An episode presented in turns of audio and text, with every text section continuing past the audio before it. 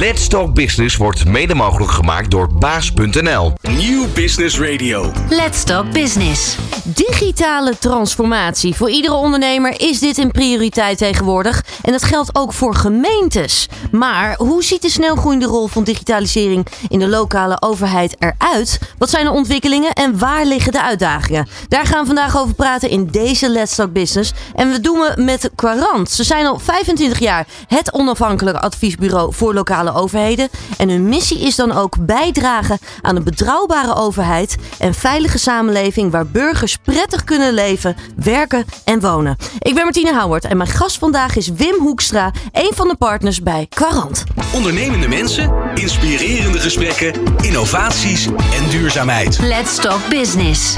Met Martine Houwert. Wim, van harte welkom. Fijn dat je hier bent. Dag Martine. Ja, we gaan natuurlijk echt met elkaar in gesprek over die digitale transformatie. Die er juist ook uh, nou, al een tijdje natuurlijk al echt plaatsvindt. Juist ook uh, bij overheden en bij de lokale overheden en de gemeentes. Um, maar eerst eventjes. Uh, jullie bestaan al 25 jaar. Dat is al een hele lange tijd. Ja, dat Jij is, bent uh, een van de partners ook. Hè? Jij bent ook echt bij de oprichting er ook van geweest. Hè? Klopt, eind jaren negentig heb ik samen met mijn uh, toenmalige compagnon Jos Poels. Ja. Hij is nog steeds compagnon, maar we hebben er twee compagnons bij. We hebben samen uh, Karant opgericht. Ja. En uh, dus al 25 jaar actief in de lokale overheid. Ja, wat maakt het vak zo mooi voor jou? Waar zit dat hem in? Ja, dat begint, dat begint toch wel even met een passie voor de publieke zaak. En dat zijn best wel grote woorden. Passie voor de publieke zaak. Maar ik heb in mijn carrière bijna altijd voor de overheid gewerkt. Het zij vanuit een ingenieursbureau.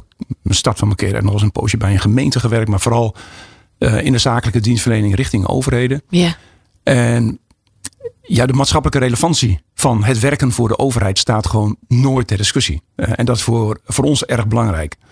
Uh, ik heb ook nog wel eens gewerkt voor een bank. Een bankverzekeraarscombinatie. Mm -hmm. Nou, dan kan ik ook wel zeggen, dat was eens, maar nooit weer. Hè? Dat was niet een, een nutsvoorziening in bank, maar ook gewoon met alle zakelijke escapades die erbij horen.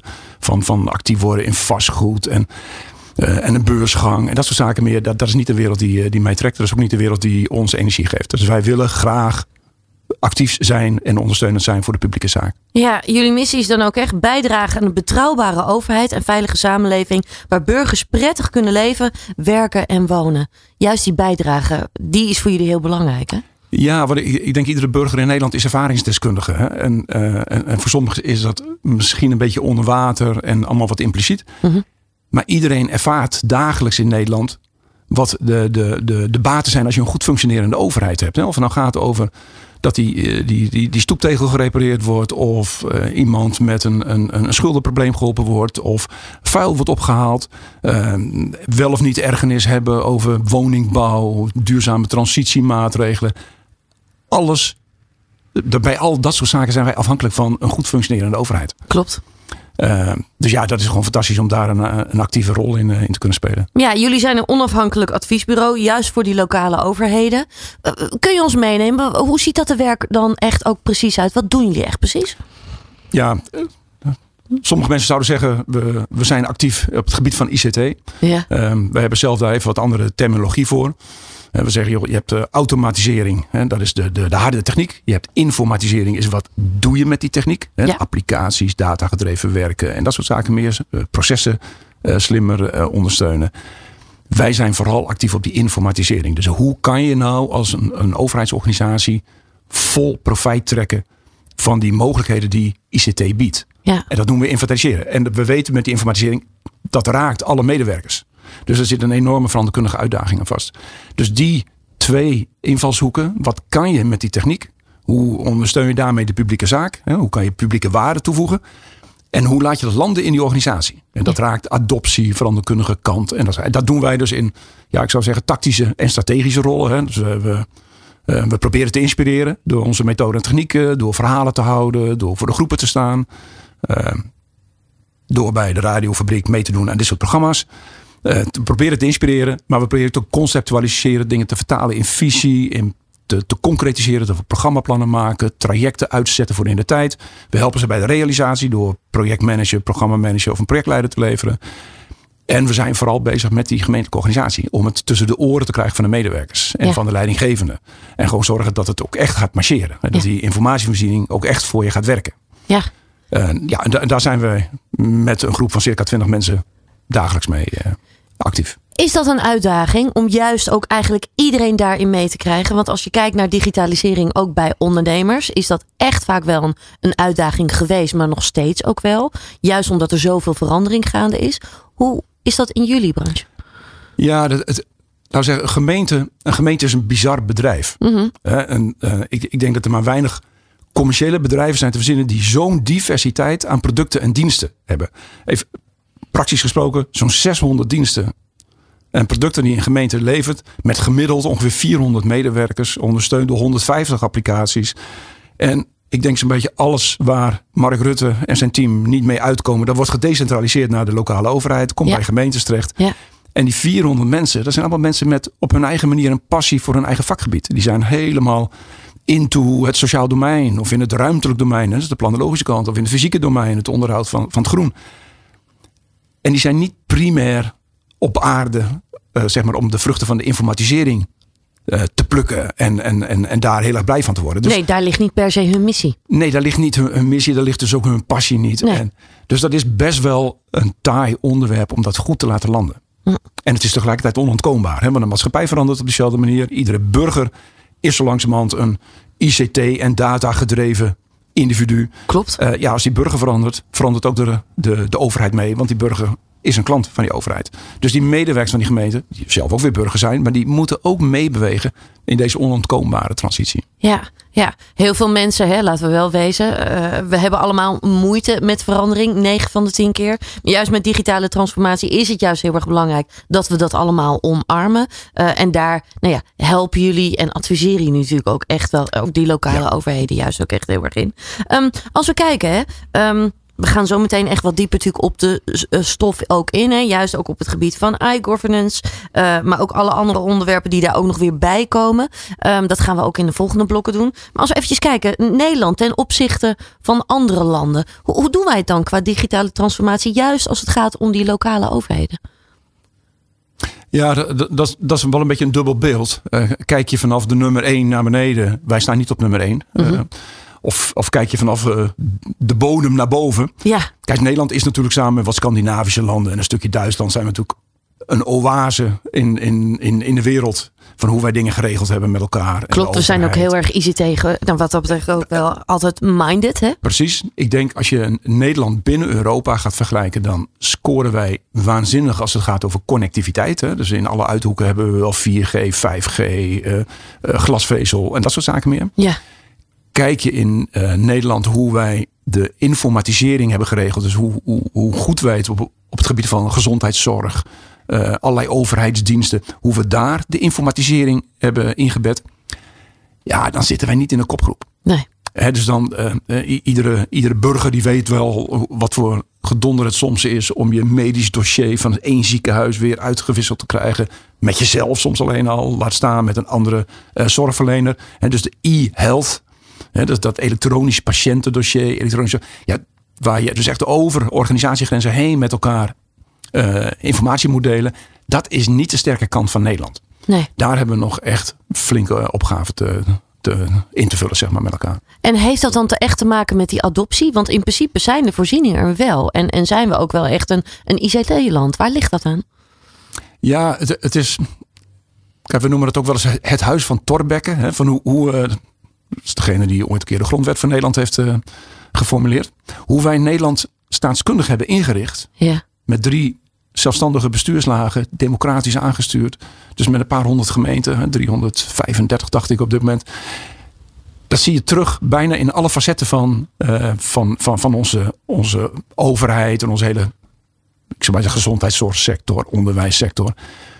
Dat is dat het allemaal wel redelijk verzuild is. Allemaal vanuit eigen silo's. Eh, en als het ook nog eens democratisch aangestuurd wordt, dan zit daar een vorm van autonomie bij. ja, Terwijl de situatie op dit moment in de maatschappij vraagt eigenlijk dat je het op landelijk niveau moet regelen. En, en dat is wel een heel groot knelpunt. Je wil eigenlijk op landelijk niveau wat regelen, maar er zit veel autonomie eh, op organisatieniveau.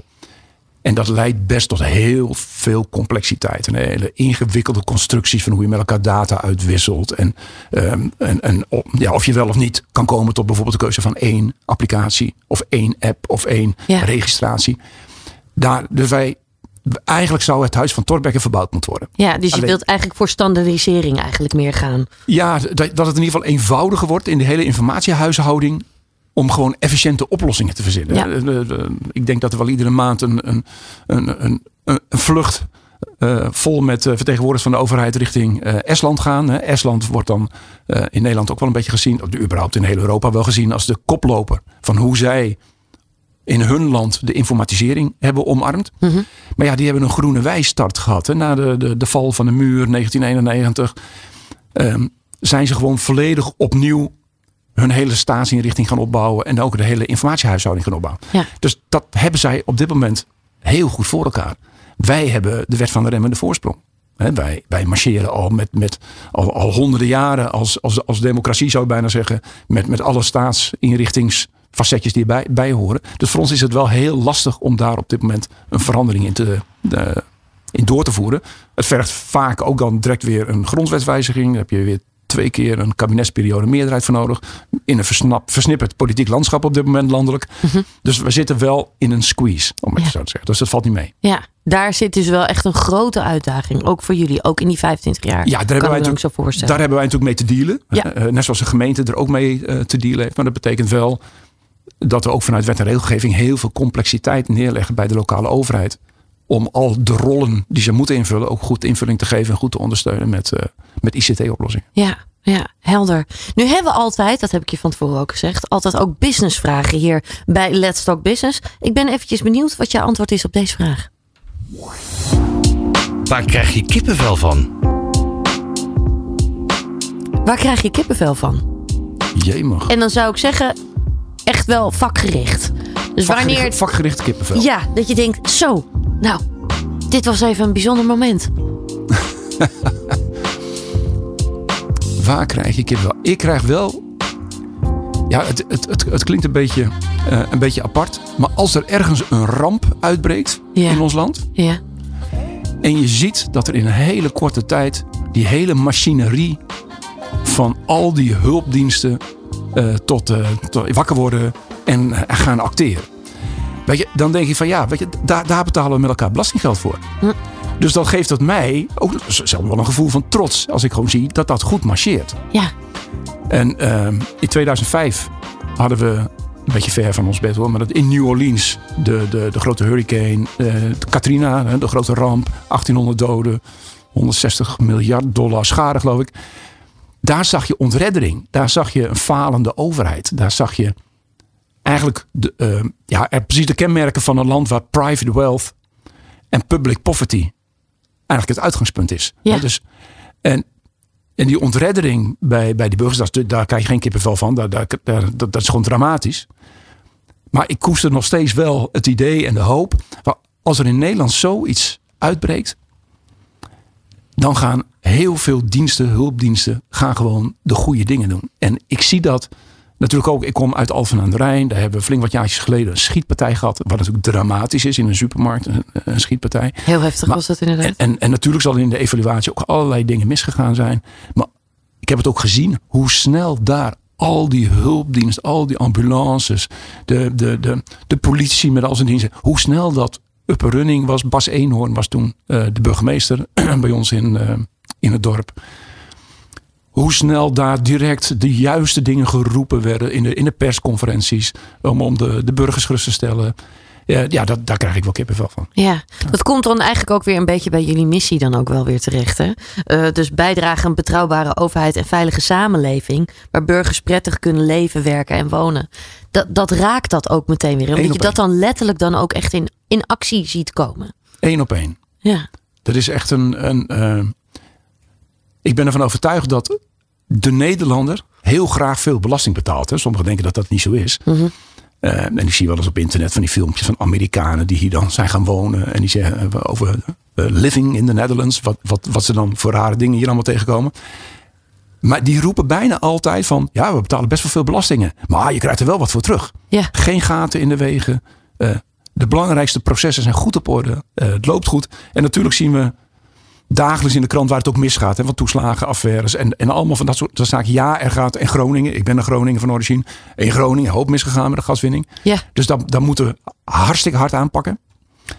Maar in grote lijnen, wij zijn bereid een hoop belasting te betalen in ruil voor een hele goede dienstverlening vanuit de overheid. Ja, mooi. En daar dragen jullie ook echt ook weer een steentje aan bij. Daar willen wij heel graag een steentje aan bijdragen. Ja, daar gaan we zo meteen natuurlijk ook verder over praten. Dan gaan we ook eventjes terug de tijd in.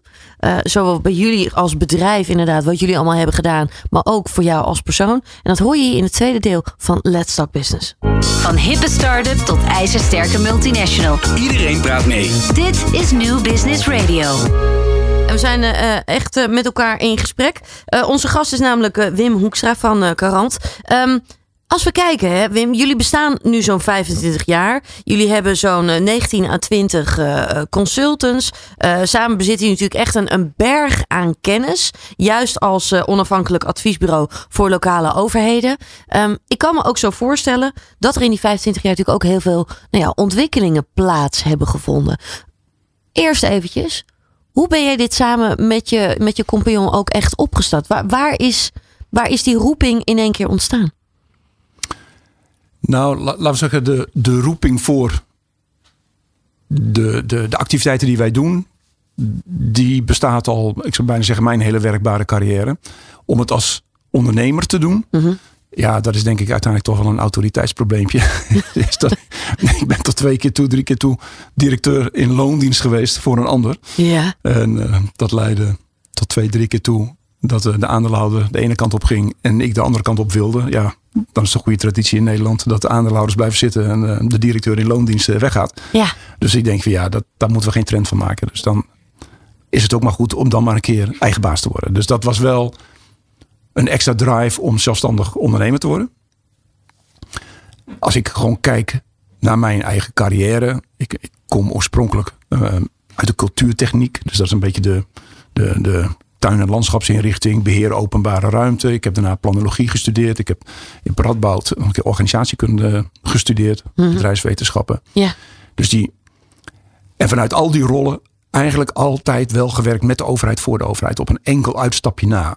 En daar heb ik net al eh, even over gehad, hè, een bankverzekeraar. Ja. Nou, dus dat, dat, dat moet me niet weer overkomen dat ik in dat soort bedrijven terechtkom. Dus die, uiteindelijk wel die, die, die passie voor die publieke zaak heeft bij mij altijd gespeeld. Ik heb ooit lokaal een politieke partij opgericht. Uh, ik ben altijd wel betrokken geweest bij uh, bestuur van, uh, van het land. Gewoon als betrokkenheid voelen voor het bestuur van het land. Mm-hmm. Dus ja, dus dat, dat zit er eigenlijk wel van huis uit in, zeg maar even bij mij. Maar die passie voelen, hè? het ook ja. voelen van oké, okay, ik moet voor mezelf gaan beginnen. En het vervolgens dan ook echt gaan doen en daar de juiste mensen voor vinden. Dus nog weer een, een volgende stap, zeg maar. Hoe, hoe kun je ons nog even meenemen? Hoe is dat gegaan?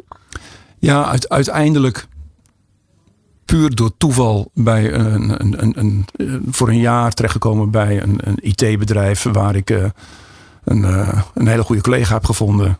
En voor mij was het al duidelijk om daar heel tijdelijk te blijven. En dat werd toen ook wel vrij snel voor hem duidelijk dat het ook tijd was voor een volgende stap. Ja. Dus wij hebben elkaar wel gevonden. Hij meer met ICT-kennis, ik wat meer met de kennis van hoe de overheid zou moeten functioneren. Dus daar hebben we elkaar in gevonden. Oh, wat goed. En, uh, en, en dat, ja, dat marcheert al 25 jaar. Ja.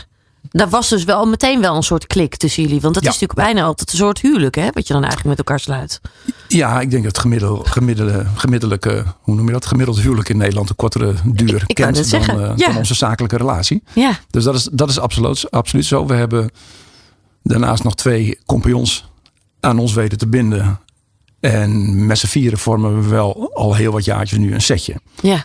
En is dat dan het gedroomde model voor een bedrijf? Vier compagnons? Dan zeg ik, nou nee, dat is één. Eén ondernemer.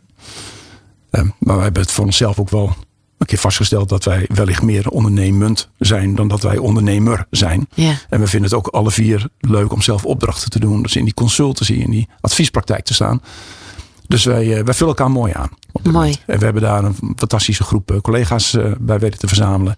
En dat is natuurlijk ook een bizarre uitdaging om dat voor elkaar te boksen en uh, die groep ook bij elkaar te houden. Hoe, hoe zou je de cultuur bij jullie omschrijven? De cultuur van Carant. Ik zeg, het, is een, uh, het is een bedrijf waar natuurlijk vakinhoud een hele belangrijke rol speelt. Mm-hmm. Maar fun ook een hele belangrijke rol speelt. Ik denk zonder humor kan ons bedrijf niet overleven. En dat trekken we door natuurlijk in onze eigen interne sessies. Maar dat trekken we ook door in onze dienstverlening. Ik bedoel, ik denk als een klant aan ons vraagt van wat blijf je bij van die kranten, dan, dan is dat aan de ene kant de resultaten die we geboekt hebben. Ja. Maar toch ook dat ze toch in het overgrote deel van de situaties met heel veel plezier terugdenken aan zo'n traject. En uh, net al even over adoptie gehad. Hè. Het valt allemaal niet mee. Dus we brengen niet altijd de boodschap die iedere medewerker van een gemeente even leuk vindt. En, en Daar kan wat weerstand ook wellicht ook zitten. Precies. Ja. Maar ik denk wij, wij zijn een bedrijf die uh, wel heel snel connectie legt met uh, iedereen binnen die lokale overheid. Ja. En humor kan daar natuurlijk ook dan en, En humor helpen. is een heel krachtig wapen. Ja. Maar dat is ook in de methode en technieken die we hanteren moet dat terugkomen. Interactief, gewoon creatief, van soms serious, gaming, oplossingen, tot de manier waarop wij workshops doen. Dus wij zijn niet de strategen die hoog overvliegen. We staan echt midden in die organisatie. Wij hebben ook een voorliefde voor de, de kleine middelgrote gemeente. Dat is wel het overgrote deel van de gemeente. Mhm. Dus waar de afstand tussen de top en de werkvloer ook niet zo groot is. Dus daar zitten wij dan middenin. En, uh, en dat zijn rollen die de, ons dus eigenlijk gewoon van nature heel goed passen. Omdat we die connectie weten te leggen met de mensen. Ja, ja. Maar fun is wel een heel belangrijk onderdeel Ja. in, alles wat we doen. In combinatie dus ook echt met die vakdeskundigheid en de inhoud. Die Ja. combi. Ja, ja. Als we dan kijken, hè, uh, nu zijn natuurlijk altijd hoogtepunten, er zijn altijd dieptepunten. Juist in die 25 jaar is natuurlijk ook heel veel gebeurd. Wat is iets waar je echt trots op bent? Wat is misschien wel een hoogtepunt te noemen? Zullen er Ja, meerdere ik- zijn ja, natuurlijk. Maar, we- ik, ik vind het hoogtepunt wel toch wel waar wij nu staan op dit moment. Um, we hebben corona met elkaar beleefd in dit land. Mhm. Ik zie uh, heel veel organisaties om me heen die, die geleden hebben onder corona. Dan heb ik het even niet over de ziekte zelf, maar toch dat, dat thuiswerken, dat, uh, die lockdown en dat dat veel.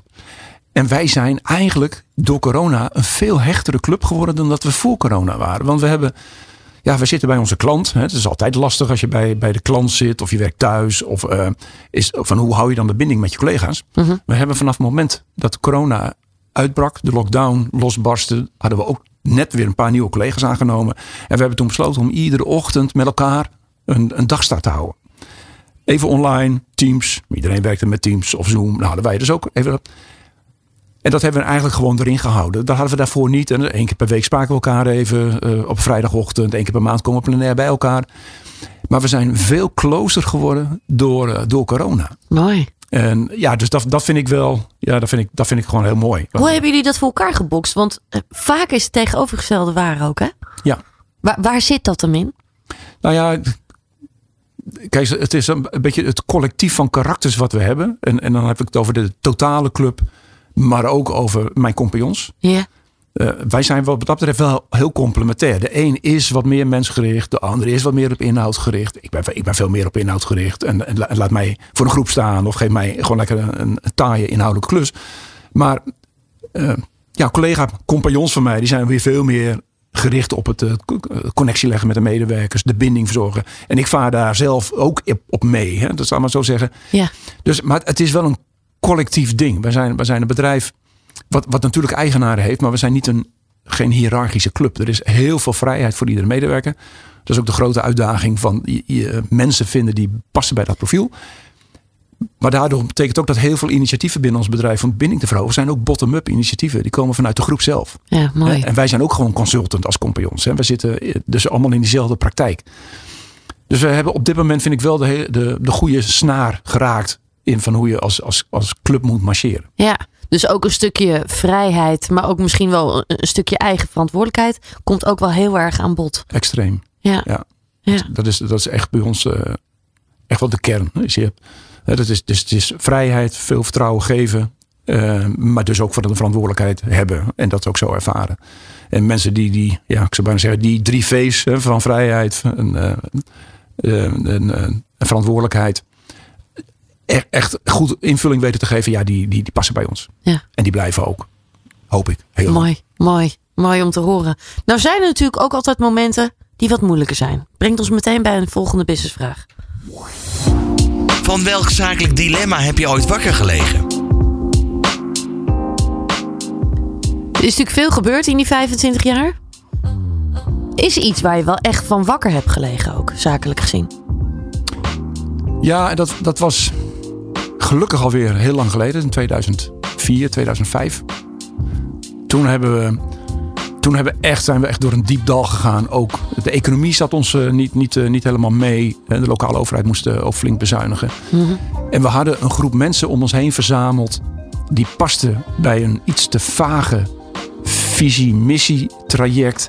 Dus dan heb je ook net niet helemaal met elkaar de juiste eh, invulling gegeven aan je, aan, je, aan je portfolio aan diensten. Markt zit wat tegen. Dus toen hebben we ook feitelijk hebben we ook afscheid moeten nemen van een aantal mensen. En dat waren wel hele pijnlijke eh, besluiten. Ja. Dus we zijn wel door een diep dal gegaan toen. En ja, ik kan nu ook zeggen dat is nu al bijna 18 jaar geleden. Hè? Dus ja, dat is een ander era, zou ik bijna zeggen. Maar ik denk als ik terugkijk op die 25 jaar, was dat wel het dieptepunt. ja. En, Ja. eh, en daar hebben we ook wel, wel flink van geleerd. Ik wou net zeggen, daar zit vaak ook meteen het grootste leerproces ook meteen weer. Ja, ja. Dus daar, dat, dat was ook wel de opmaat naar eh, het binden aan ons binden van twee andere compagnons. Met een, een andere karakterzet, met andere talenten. Eh, en uiteindelijk daardoor ook een andere groep collega's dan we helemaal in de beginjaren hadden. Ja. Hebben jullie daarna ook natuurlijk met die andere partners erbij, is natuurlijk ook heel erg veranderd. Maar, maar ben jij zelf er ook anders in gestaan? Als persoon, maar ook wel als ondernemer? Ja, aan de ene kant wel wat zakelijker geworden. Ehm, Als, kun je een voorbeeld geven? Hoe, hoe moet ik dat voor me zien? Nou ja, dus misschien tot vervelens toe voor sommige collega's. Ik zit wel heel erg op de cijfers. Mhm. Dus toch goed grip hebben op hoe het financieel rijlt en zeilt. Zorgen dat we met elkaar die tent gezond houden. En als ik daar te veel op dram, is het altijd weer fijn dat een andere collega de andere kant van het bedrijf ook weer een beetje weer belicht. En daar dan. Maar dat heb ik wel aan mezelf gemerkt. Ik wil ieder moment van de dag weten hoe ik ervoor sta, financieel. Ja. Want dan staat het bedrijf, dan heb je grip erop, eh, de gezondheid van het bedrijf. En eh, dan heb je ook met elkaar geld aan leuke dingen te besteden met elkaar. Ja, dat die helderheid er ook gewoon is. Dat het geen vaagheid is. Precies, en dat het ook de transparantie die erbij hoort. Iedereen in het bedrijf weet waar we de euro's aan besteden, aan alles. En waar de euro's aan binnenkomen. Ja. Ja, En, en dat vind ik zelf een belangrijk, eh, een belangrijk aspect van de manier waarop wij het bedrijf runnen. ja, helder. Zometeen gaan we praten over alle ontwikkelingen die, die juist ook in jullie eh, branche plaatsvinden. Van hippe start-up tot ijzersterke multinational. Iedereen praat mee. Dit is New Business Radio. Je luistert naar Let's Talk Business. We zitten hier met eh, Wim Hoekstra van eh Carant. Ehm, als we kijken, eh, Wim, we hebben natuurlijk al zojuist al veel met elkaar besproken. We zijn ook echt, even, echt eventjes terug de tijd ingegaan. Maar je benoemde ook al hè, dat je ook wel heel erg trots bent op hetgene waar jullie nu staan. Juist ook als, als team. Laten we eventjes inzoomen op hetgene wat jullie echt doen. En, en hoe nou ja, de digitale transformatie juist ook bij lokale overheid er nu uitziet. Ehm, wat zijn de belangrijkste ontwikkelingen die gemeenten nu op dit moment ook wel echt ervaren? Ja, laat zeggen, er, komt een enorme stroom aan wet en regelgeving op de gemeente af. Die komt vanuit de Europese Unie, die komt vanuit Nederland. En alles heeft wel een informatiseringsaspect. Dus dat, dat, dus dat leidt gestapeld tot heel veel moetjes voor die gemeenten. Die moeten heel veel implementeren. Hè. Of er nou wet open overheid is, of de omgevingswet. Of, nou, zo zijn er nogal een lijst van 10, 15 eh, wettelijke ontwikkelingen. Dus die, die komen op ze af. En die moeten ze dus met dat beperkte groepje mensen, een gemiddelde gemeente, 400 medewerkers, 600 producten, diensten, moeten ze dat eh, allemaal een plek geven. Dat, ja, wij hebben voor onszelf eigenlijk wel vastgesteld, er zijn er dan wel twee belangrijke speerpunten, wil je dat kunnen overleven. Dat is een eh, sourcingstrategie met elkaar. Dat is een goed Hollands woord. Hè. Sourcingstrategie met elkaar afspreken. Wat er in essentie toch op neerkomt welke activiteiten ga ik zelf doen en wat laat ik over aan marktpartijen, op, in welke constructie dan ook, of publieke samenwerking met andere overheden. Maar vooral die activiteiten doen die het meeste waarde toevoegen voor je organisatie. Ja. Wees daar heel kritisch in. Dus sourcingstrategie dus één. Maar dan weet je als je die sourcingstrategie uitvoert, dat je grip moet houden op al die partijen waar je je taak hebt belegd. En dat noemen wij dan maar even de I-governance. Ja. Van hoe hou je grip op al die partijen? Hoe stem je vraag en aanbod in je eigen organisatie af? De demand-supply organisatie, zoals we dat eh, noemen in, eh, in, in het vakgebied. Dus die eh, grip houden, regievoering, sourcingstrategie. Dat zijn wel twee hele belangrijke speerpunten. En, en, en, en dat merken wij ook nu in, in onze klussen, maar ook in de vraag die we, die we krijgen vanuit, eh, vanuit de markt.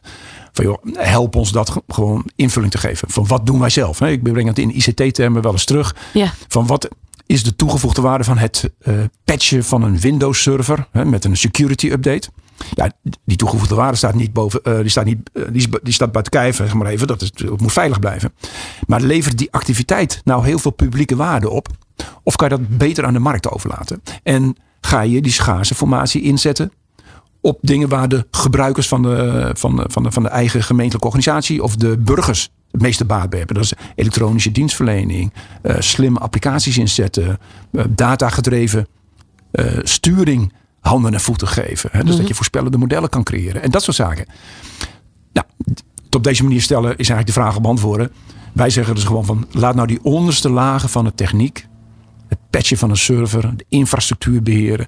Laat dat nou uh, over aan partijen die daar een goede schaalgrootte voor hebben, die, die daar de professionals voor in dienst hebben. Neem dat gewoon als een dienst af. En trek uh, je eigen formatie terug op activiteiten die veel dichter tegen de werkprocessen aanzitten, tegen de medewerkers van de gemeente aanzitten. Ja. En dat zijn dus een beetje een verschuiving van A, de automatisering, naar I, de informatisering. Ja, dus eigenlijk zeg je dan ook wel. Probeer eigenlijk de mensen die daar zitten bij de gemeente ook meer in kracht te laten staan. Door ze ook echt te laten doen waar ze ook echt goed in zijn. Zeg maar, dat het dichter bij hun blijft. In plaats van dat je alles probeert te doen, zeg maar. Nou ja, ja, ja en nee. Laten we zeggen, de mensen die zich nu op bijvoorbeeld die A-taken, die automatiseringstaken doen. Dat, uh, die zijn daar ook waarschijnlijk wel in hun kracht. Hè? Dat, Ja. Daar ligt hun passie. Ja. Techneuten. Um, en voor dat soort mensen is, is de boodschap misschien ook minder aantrekkelijk. Dat we eigenlijk zeggen, joh, dat werk is onze visie, sterft uit bij de lokale overheid. Er wordt meer water uit de kraan. Dat wordt meer een nutsvoorziening. Er worden clouddiensten. Uh, dat, er is gewoon een vorm van schaalvergroting voor nodig. En die kan je als een kleine doorsnee gemeente, middelgrote gemeente, gewoon niet zelf uh, op een redundante manier, op een robuuste manier invulling geven. Dus voor een deel van die mensen zal een gemeente daardoor een minder interessante werkgever worden. En laat die vooral richting uh, gespecialiseerde bedrijven gaan. Ja. Met veel meer toekomstperspectief op hun vakspecialisme.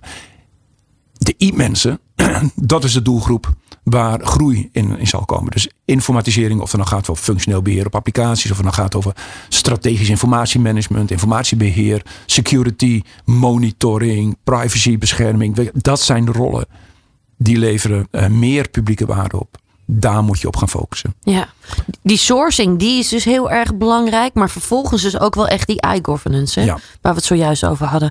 Laten we daar wat, die, wat dieper op inzoomen, zeg maar. Hè? Kun je nog wat duidelijker maken waar dat nou echt precies voor staat? Hoe moet ik dat echt voor me zien? Ja, dus de uh, sourcing, een sourcingstrategie. Uh, dat is zoals, zoals wij het ook, uh, ook aanvliegen. Uh, dat is gewoon vanuit de strategie van de gemeente, vanuit de doelstellingen, vanuit van de bedrijfsdoelstellingen van de gemeente. Afpellen van welke taken blijf je zelf doen, welke taken zet je buiten de deur. En als je het buiten de deur zet, zet je het dan buiten de deur als een clouddienst, als een managed service. Of los je het op met inhuur. Of kies je voor een publieke samenwerking in de vorm van een shared service center. Of in een centrumgemeente. Zo. Daar heb je weer heel veel constructies. En welke constructies en dan steeds gekoppeld aan vanuit welke doelstelling, welke, welke doelstelling ondersteunt dat van die lokale overheid, past het beste bij deze gemeente. En hoe zet je dat dan in tijd uit? Er zijn de natuurlijke vervangingsmomenten van applicaties, natuurlijke vervangingsmomenten van de, de harde ICT, de, de serverruimte, het datacenter. Dus dan komt daar vanzelf een plan uit vanuit een strategie van hoe je langzaam maar zeker die hele sourcingsstructuur gaat transformeren. Ja. En dat heeft natuurlijk gewoon consequenties voor, voor de medewerkers. Voor sommigen neemt het werk toe, voor anderen neemt het werk af. En zit daar een natuurlijk verloop in. Een deel van de gemeentes, net als Nederland, vergrijst. Dus soms is dat een zegen. Dan komt er vanzelfsprekend een, een natuurlijk verloop in een paar jaar tijd. Klopt. Dus dan kan het zich oplossen. Ja. Soms zijn er wat, toch ook wel wat hardere knopen door te hakken. Uh, maar dat is alles wat wij onder de kop sourcing vragen. En daarom zit die, die, die tweede, dat tweede speerpunt daar wel hard aan gekoppeld eigenlijk. Want zet je het op afstand, buiten de deur, ja, dan moet je intern uh, je processen op orde hebben. En dat zijn toch vraag-aanbodprocessen. Wat willen de vakafdelingen, dus de business binnen een gemeente? Um, die moet je ook een beetje opvoeden dat ze voorspelbaar gedrag gaan vertonen. He, vroeger was het van, oh, ik heb nu in één keer een haastklus. Ik ga even één verdieping lager naar uh, de mannen en vrouwen van ICT. Mm -hmm. uh, en die vinden het niet leuk, zo'n haastklus. Maar fruit, dan, dan kon je dat nog plooien. Ga je het buiten de deur zetten, dan ver, verwacht ook zo'n zo'n zo'n externe provider verwacht voorspelbaar gedrag. Dus voorspelbaar gedrag betekent dat je dat in de processen wel moet borgen. Dat er een een cyclus is, die soms maandelijks is of jaarlijks is, of soms wekelijks is, waarin je st- steeds je voelsprieten aan hebt staan bij de business. Van wat speelt daar? Ja. Dat je periodiek strategisch overleg hebt met de business. Dus ook strategisch overleg met die externe providers. Dat je eh, dat op elkaar afstemt. Nou, dat zijn allemaal processen. Die moet je vormgeven, rollen beleggen, implementeren, mensen intrainen. eh, en de club begeleiden om te zorgen dat die machine weer gaat draaien. Ja, wa- wat is voor jullie juist ook, hè, en jullie nou ja, adviseren natuurlijk ook wel echt rol, eh, dan belangrijk? Communicatie is dan volgens mij echt key. Dan ook weer juist heel erg hier. En weten, wat gebeurt er? Wat gebeurt er echt op de werkvloer? Hoe, hoe moet ik het voor me zien? Nou, het, dus laten we zeggen, die veranderkundige kant. We hebben wel ervaren eh, dat sponsorship vanuit de top, Ja, of eigenlijk vanuit meerdere lagen in de organisatie, dat dat randvoorwaardelijk is voor een succesvolle implementatie. daar begint het mee. Ja, wij, wij, wij hanteren de methode ProSci. Dat is, volgens mij komt dat uit Amerika. Dat is een beetje een best practice methode. Ja. Maar er zit een, een, een, vind ik een onnuchterend tabelletje in, die- in die methode. Die aangeeft wat is de impact van het, eh, het, het, het communiceren van de organisatieboodschap. Door bijvoorbeeld een projectleider. Een externe adviseur. Ja. Of als de directeur dat doet. Of als een teamleider dat doet. Of, of iemand van PNO, van personeelszaken dat doet. Wat is de impact? Nou, en dan, dan zie je, als ik daar als projectleider zou zitten in die gemeente. En ik ga de organisatieboodschap eh, uit, eh, uitzenden richting de medewerkers. Dan, heeft dat, dan landt dat ongeveer bij 3 tot 5 procent. Hm. Doet de directeur het, de gemeentesecretaris het, dan zit het bij 60 procent. Ja, Dus ik moet niet het verhaal houden. Dat moet die directeur doen. En, dat, en als het om de persoonlijke boodschap gaat, dan is een teamleider, bij wijze van spreken, met dat soort percentages effectief. En blijft het percentage van mij als projectleider nog steeds 3 tot 5 procent. Dus die, die, dat sponsorship, dat sponsormanagement moet, dat is, een, dat is echt een sleutel voor het succes. ja, Want dan, eh, en die sponsors, die moeten dus grip hebben over van waar staan de medewerkers dan op die verandercurve. Hè? Hebben ze nog twijfels bij de waarom? Dan moet je daarop gaan focussen. Hebben ze die waarom al lang geïnternaliseerd? Dan is het misschien vooral dat ze iets moeten leren. Dat ze van hoe, hoe kan ik het doen? Hoe kan, dan moet je daar je boodschap op gerichten. Dus je moet ook kijken waar staan die medewerkers en die teams op die ladder van eh, verandering. ja. Eh, dus die, die twee kenmerken van een adoptieproces moeten borgen dat je geen verrassingen hebt met, met, met weerstanden. Je krijgt altijd weerstand. Hè? Maar ja, volgens mij had een, een ander bedrijf uit de markt al een keer gezegd: weerstand geeft warmte. Eh, ik denk dat dat zo is. Dus als die energie er zit, dan gaat het er alleen om het, het, het richten van die energie. ja, waar wrijving is, is ook glans. Hè? Wordt ook wel gezegd. precies, precies, hè? Dus dat, alle dat, tegeltjes, is vaak ook voor nodig. ja. ja. Ja, en, en wij kennen onze plek. Dus we weten dat wij het succes niet, eh, niet brengen. Dat, dat brengt die leidinggevende en die medewerker. Maar juist als je dat ook weet, is het voor jullie dus ook heel erg belangrijk dat dus ook geadopteerd wordt door bijvoorbeeld zo'n directeur. Ja, ja. En daar heb je natuurlijk dan wel weer een sterke communicatie ook weer voor nodig. Hoe, hoe doen jullie dat? Hoe zorg je ervoor dat bijvoorbeeld ook zo'n directeur ook echt daarin meegaat? ja we, wat we idealiter doen. Hè, we krijgen niet de, de- die ruimte in, in al onze opdrachten. Maar wat we ide- idealiter doen is wel een soort organisatiescan van tevoren uitvoeren. Om te kijken waar staat die organisatie. En dan vooral die veranderkundige randvoorwaarden of die ingevuld zijn. Ja, Stel als wij gewoon merken dat er een, een gigaverandering doorgevoerd moet worden. Waarbij het management en de directie het eigenlijk gewoon als een klusje ziet van de werkvloer. Succes allemaal. En wij zien geen actieve rol voor ons als leidinggevend gremium. Ja, daar hebben wij intern ook onze discussies over. Dan zouden we eigenlijk op voorhand al die klus moeten gaan weigeren.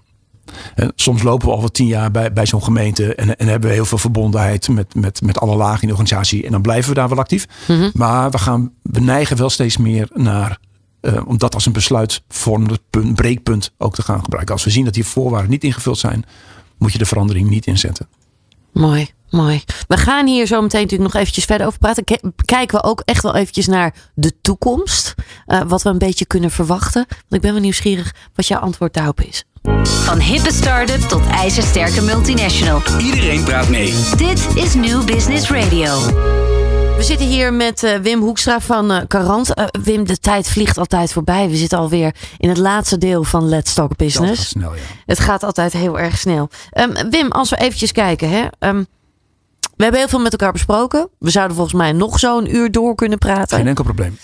Wat is er nodig voor de toekomst om juist ook die overheden, nou ja, ook wel krachtiger en beter te kunnen laten opereren. Uh, want dat is er vaak wel ook natuurlijk ook weer nodig, juist voor de toekomst. Juist met alle uitdagingen waar we nu voor staan. Ja, ja als ik naar de toekomst kijk, alleen al naar de komende vijf jaar, uh, zes jaar. We, we zullen gewoon als, als, als, als landelijke overheid, maar ook lokale overheid, in moeten zetten op complexiteitsreductie. We hebben alles zo complex gemaakt in ons land. Zo complex. Dus inzetten op complexiteitsreductie. Kunnen we het weer eenvoudiger maken? Kunnen we misschien wel een stukje deregulering waar, waar mogelijk. Maar maak het eenvoudiger. Zorg dat je als organisaties kan meebewegen met alles wat er speelt. Hè? Want ik denk dat iedere burger wel ervaart. We staan op tientallen kruispunten tegelijk. Of het nou gaat over klimaat, over woningnood, over arbeidsmarkt. Op alle kruispunten tegelijk staan we. Daarin bewegen, daarin tot oplossingen komen. Complexiteitsreductie. En we hebben, misschien is dat dan even een tweede dingetje voor die toekomst. We hebben geen andere keus dan ook doorpakken op die informatisering, die digitale transformatie. Want we zitten in een vergrijzende samenleving. Dat is aan de ene kant.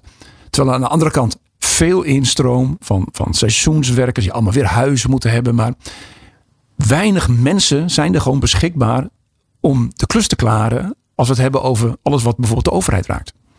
Dus probeer het dan ook zoveel mogelijk efficiëntie te halen uit de mogelijkheden die de informatisering biedt. Ja. En, en, en daar was net al met sourcing over had. Zet de mensen in op dingen die de meeste waarde toevoegen. Complexiteitsreductie, doorpakken op die digitale transformatie. Ja, en, en, en uiteindelijk de, de arbeidsmarkt, misschien is dat wel uh, de, de, de derde waar ik denk waar we met elkaar stappen in moeten zetten. En, en we stappen moeten zetten, bedoel ik zowel partijen zoals wij, die vanuit de, het bedrijfsleven actief zijn in deze markt, als de overheid zelf. Uh, zorg dat het gewoon aantrekkelijk wordt als werkgever. Dat, ik snap er echt helemaal niks van dat jongeren die net afstuderen, dat die niet massaal bij de overheid willen werken. Want dat is, de maatschappelijke relevantie staat 0,0 ter discussie. Tuurlijk zit er ook voor ons een spin-off aan. Want als ze bij de overheid willen werken, willen ze ook bij ons werken. Want we werken allemaal aan dezelfde publieke zaak. Maar we moeten nu opboksen tegen uh, die vraag uit al die andere bedrijfstakken ook. En ik denk dat we met elkaar in Nederland op die kruispunten alleen maar goed kunnen oversteken als een hele krachtige overheid hebben. Een hele professionele workforce. Dus oproep, wat mij betreft, aan de jeugd van Nederland. Kies voor de overheid. Ja. Ik kan me zo voorstellen hè, dat het imago van de overheid gewoon niet zo heel erg sexy is voor heel veel jongeren. Ja. Uh, terwijl er wel heel veel mogelijk is. Hè. En als je kijkt naar purpose, purpose gedrevenheid, wat ook heel veel jongeren graag willen. Precies. Dat precies. kun je daar wel echt ook wel weer in terugvinden. Ook als ik jouw verhaal zo. Voluit. En, en, en dan adviseer ik ze dan niet om bij de ministeries in Den Haag te gaan werken. Maar ga naar die uitvoerende laag van de overheid. Dat zijn veiligheidsregio's, omgevingsdiensten, waterschappen, gemeenten. Daar gebeurt het. Hm. Daar sta je, kan je met de laars in de modder staan, kan je ook direct de vruchten zien van je arbeid. Dus relevant en ook gewoon productief direct de vruchten zien van je, van je inzet. Ja, ja, krachtig vooruit, maar het met name dus ook wel simpeler maken. Dat is wel echt nodig om, uh, om, om mooie toekomst uh, tegemoet te gaan. Um, ik hoop dat jullie daar nog steeds, ook uh, nou ja, over 25 jaar nog steeds aan bij kunnen dragen. Jullie hebben natuurlijk al 25 jaar achter de rug. Uh, maar ik wil jullie enorm veel succes wensen. En Wim, uh, enorm bedankt voor het delen van je expertise en je verhaal. Jij ook, dankjewel. Leuk om het verhaal over de overheid te delen met je en met de luisteraars. Tot de volgende keer wellicht. Tot de volgende keer. Van hippe start-up tot ijzersterke multinational. Iedereen praat mee. Dit is New Business Radio.